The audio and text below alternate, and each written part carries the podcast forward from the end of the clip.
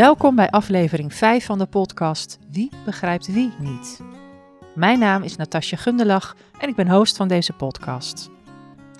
Ouderen met een psychische kwetsbaarheid zijn vaak afhankelijk van de mensen in hun eigen omgeving of van ondersteuning van zorg- en welzijnsorganisaties.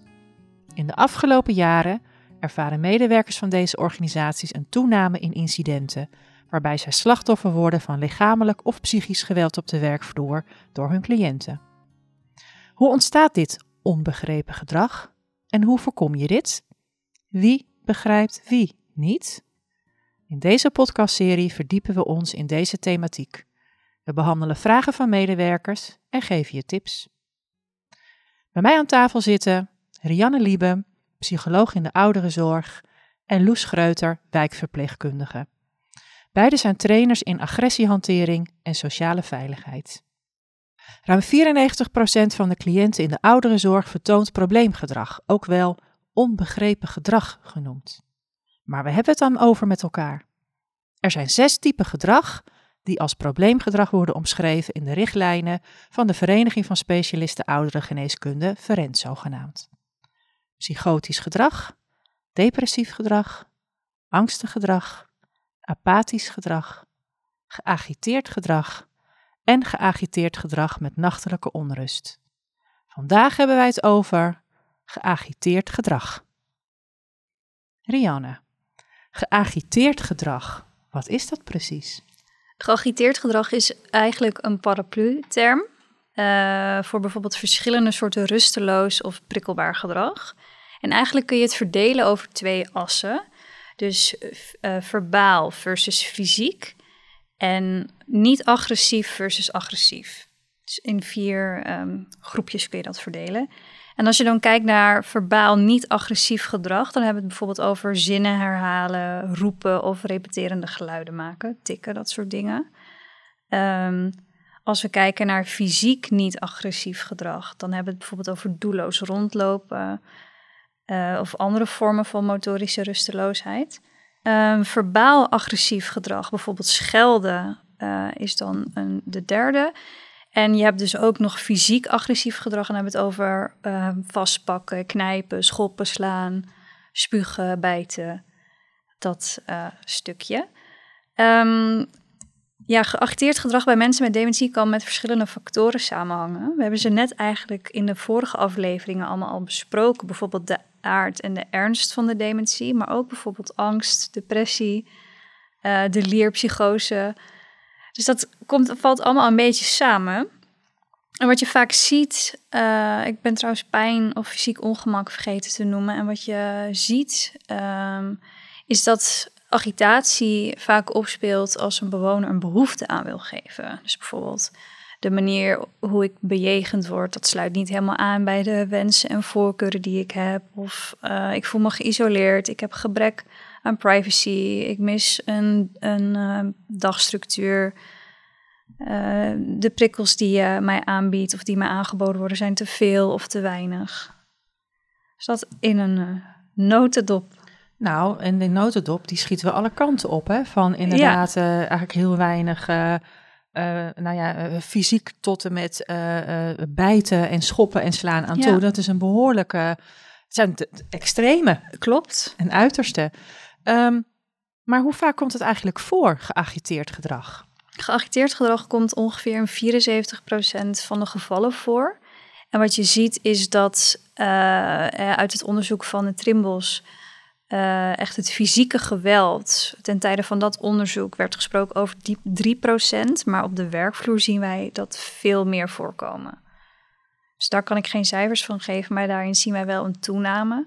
En we denken ook dat dat zeker samenhangt met uh, de ernst en het vorderen van het ziektebeeld. Dus mensen worden uh, steeds later eigenlijk hè, komen ze in een uh, verpleeghuis wonen, zoveel mogelijk thuis. Dus dat maakt ook dat de problematiek ernstiger is uh, als mensen bij ons komen wonen. Um, je zegt dat het in realiteit meer is dan, um, dan dat er in het onderzoek naar voren komt. Is daar een verklaring voor? Mm, nou, in het verpleeghuis, hè, wat ik aangaf, uh, de, de bewoner komt steeds later wonen. Dus is de, de problematiek is veel complexer dan daarvoor. Dus... met later wonen bedoel je mee dat het langer duurt voordat of iemand wat zieker moet zijn of meer zorg nodig heeft voordat hij in een verpleeghuis komt? Ja, met de huidige manier hoe we de zorg georganiseerd hebben in Nederland uh, blijven bewoners of mensen dus met een vorm van een dementie zo lang mogelijk thuis wonen. En als het echt niet meer gaat, dan komt iemand uh, ergens wonen. Maar dat maakt wel dat de doelgroep heel anders is dan zeg vijf jaar, tien jaar geleden. Ja, kijk meteen even naar jouw collega die in de thuiszorg werkt. Herken je dit, uh, Loes? Ja, ik herken het wel. Ja.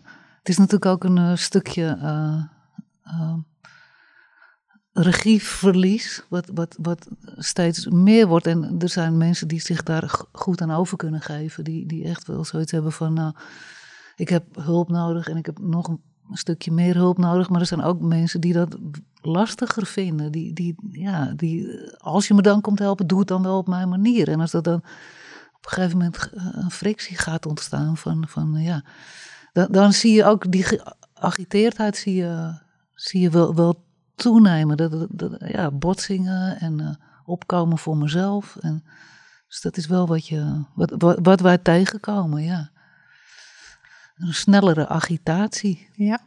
Kun je een voorbeeld geven van uh, cliënten met, uh, met geagiteerd gedrag? Ja, ehm, wij komen bij een mevrouw die, die wel aanzien heeft gehad des lands. Die dus ook ja, waardevolle arts zelf is geweest. Maar toch door haar cognitieve achteruitgang, door haar dementie, dan wel vasculair. Dus ook is ook een beetje een wisselend beeld. Af en toe is ze, is, ze, uh, is ze het kwijt en vaak weet ze het ook wel. En waar zij, zij, ach, zij agiteert heel erg tegen het hele hulpverleningsstukje. Ze, ze, zij zegt, ik kan het zelf, ik wil het ook zelf doen, maar ja, er zijn momenten dat ze het vergeet. Um, en dat wordt natuurlijk gevaarlijk als je het hebt over medicatie innemen. Dus dan uh, neemt ze het dubbel in of ze neemt het niet in. Dus we hebben afgesproken dat we het hoog leggen bij haar. Dat ze er niet 1, 2, 3 bij kan. Met toestemming, maar dat is ze dan vergeten. En als wij dan dat, dat doosje pakken, wordt ze er echt heel boos om. Echt, uh, je, je, neemt me dingen af. Je neemt me dingen af. Ik, ik mag niet. Uh, zet het hier op tafel. Ik wil niet dat je het weer hoog zet. Het moet op tafel blijven, want ik kan zelf mijn pillen innemen. Jij hoeft dat niet. Dus dan, dan krijg je voortdurend in een, in een conflict. Uh, nou ja, en, en wat, wat dan bij haar heel goed helpt, is dat je, dat je dan echt met haar gaat zitten. Dat je, dat je zegt van nou we hebben, we hebben dat toen afgesproken, maar ik snap dat u dat, dat nu even kwijt bent. Maar hoe kan ik u nu helpen?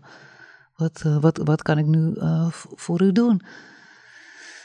En dan is het soms heel mooi meebewegen. Dat ik zeg, zal ik het in het kastje doen? Dan kan u er nog wel zelf bij, maar dan staat het niet meer op tafel. Dan kan u zich straks. Dus dan, dan geef je. Je probeert zoveel mogelijk mee te bewegen. Van dit is vervelend voor u, hoe kunnen we het wel?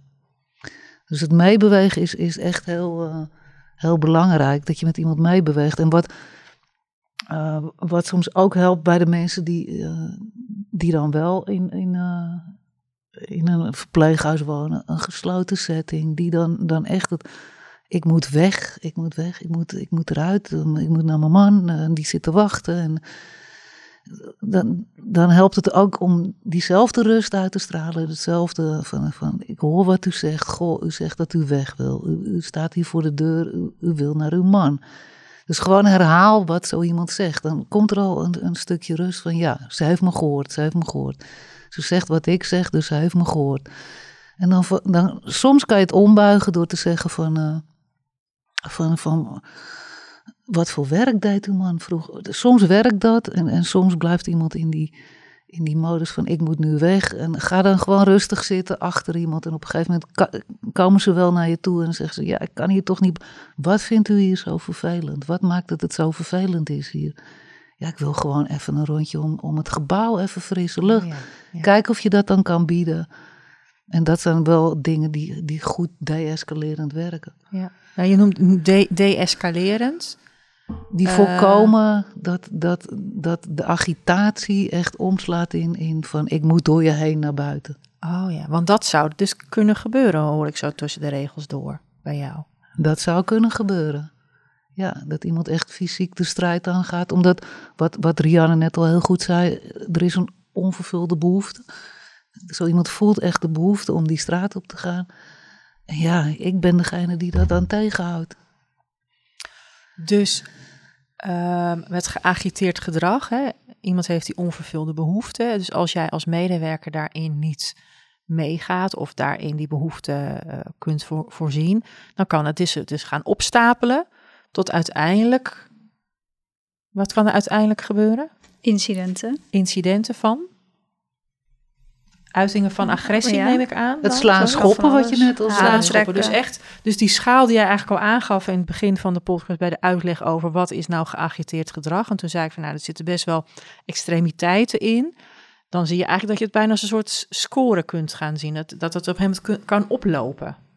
Zeker, maar ik denk dat je dat ook kunt vergelijken met jezelf. Als jij je uh, niet begrepen voelt, dan kan je ook heel erg boos worden. Nee, ik, ik, geef heel vaak het voorbeeld van, van je partner. Dus dat je thuis komt en dat je zegt... Uh, nou, ik zit hier en hiermee en heb ik echt...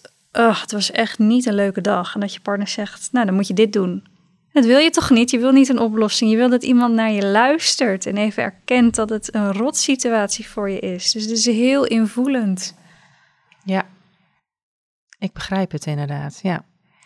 Wat moet je nou vooral niet doen bij, uh, bij uh, uh, bewoners die dus geagiteerd gedrag hebben? Wat je niet moet doen is in discussie gaan. Oh. Want dan, dat is echt iets waardoor de spanning oploopt. Dus uh, ik, ik wil hier weg, ik wil hier niet meer zijn, ik wil eruit. Nee, dat mag niet van de rechter. Die heeft een. Uh... Maar ik, eh, het is wel mooi dat je het zegt, maar ik kan me ook voorstellen dat, hè, uh, je noemt een paar keer ook mensen met dementie, een bepaalde fase waarin iemand zit, dat je soms ook met elkaar afspreekt om een bepaalde benaderingsvorm te geven, waardoor je bij de ene dus meer op de realiteit zit, en waarbij je moet zeggen, nou ja, u, u bent hier en u mag hier niet vanaf. Want er is ook inderdaad eh, een rechter geweest die daar een uitspraak over heeft gedaan. Maar dat is dus niet zo'n goed idee als ik jou zo Nou, op deze toon niet, nee. Oké, oké. Als je er even rustig bij gaat zitten. Er was ook een meneer die, ja. die, die, die, die, was daar wel bevattelijk voor. Oké. Die, die kon ik dan wel heel goed rustig uitleggen dat, dat, dat, ja, dat die hier nu wonen, dat er een gesloten deur is, dat daar een rechter toestemming voor heeft gegeven, omdat hij al een paar keer verdwaald is in de omgeving. En dat dat, dat echt wel uh, gevaarlijk kan zijn. Ja, dus dan is het uitleg en niet die discussie. Niet er tegen ingaan. Nee, nee, nee Kijk, dat ik, werkt niet. Ik denk dat het allerbelangrijkste is dat je met elkaar methodisch werkt, wat we ook al eerder uh, hebben besproken. En allereerst met, met agitatie, wat zomaar zeg maar vlam in de pan, dan moet je ook kijken naar lichamelijke oorzaken. Vaak zie je dat er toch iets van een infectie of een urineweginfectie um, ehm, onder zit. Dan moet je niet zomaar blind gaan stikken, maar als je het idee hebt dat, dan moet je dat doen. En daarnaast ga je kijken, uh, wat we hebben aangegeven, waar zou dat nou vandaan kunnen komen? Want wederom, dit gedrag geeft een functie en het levert iets op. Dus deze bewoner doet iets om daar iets mee uh, te bereiken.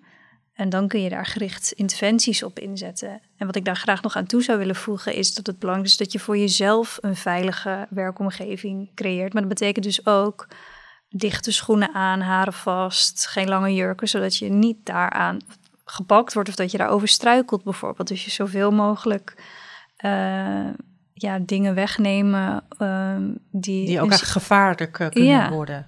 Ja. Nou, volgens mij hebben we vandaag uh, veel meer geleerd over wat uh, geagiteerd gedrag is. Dat het um, uh, verschillende vormen kan aannemen. Ik hoor jullie ook zeggen dat geagiteerd gedrag, gedrag eigenlijk ook een voorloper kan zijn van agressie.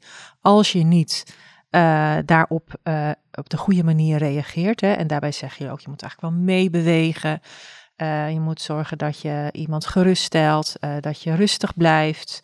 Uh, dat je rust uitstraalt. Uh, een goede tip was ook uh, van, nou ja, herhaal soms ook gewoon wat iemand zegt, hè, zodat hij de woorden ook herkent die hij gezegd heeft en dus zich gezien en gehoord voelt.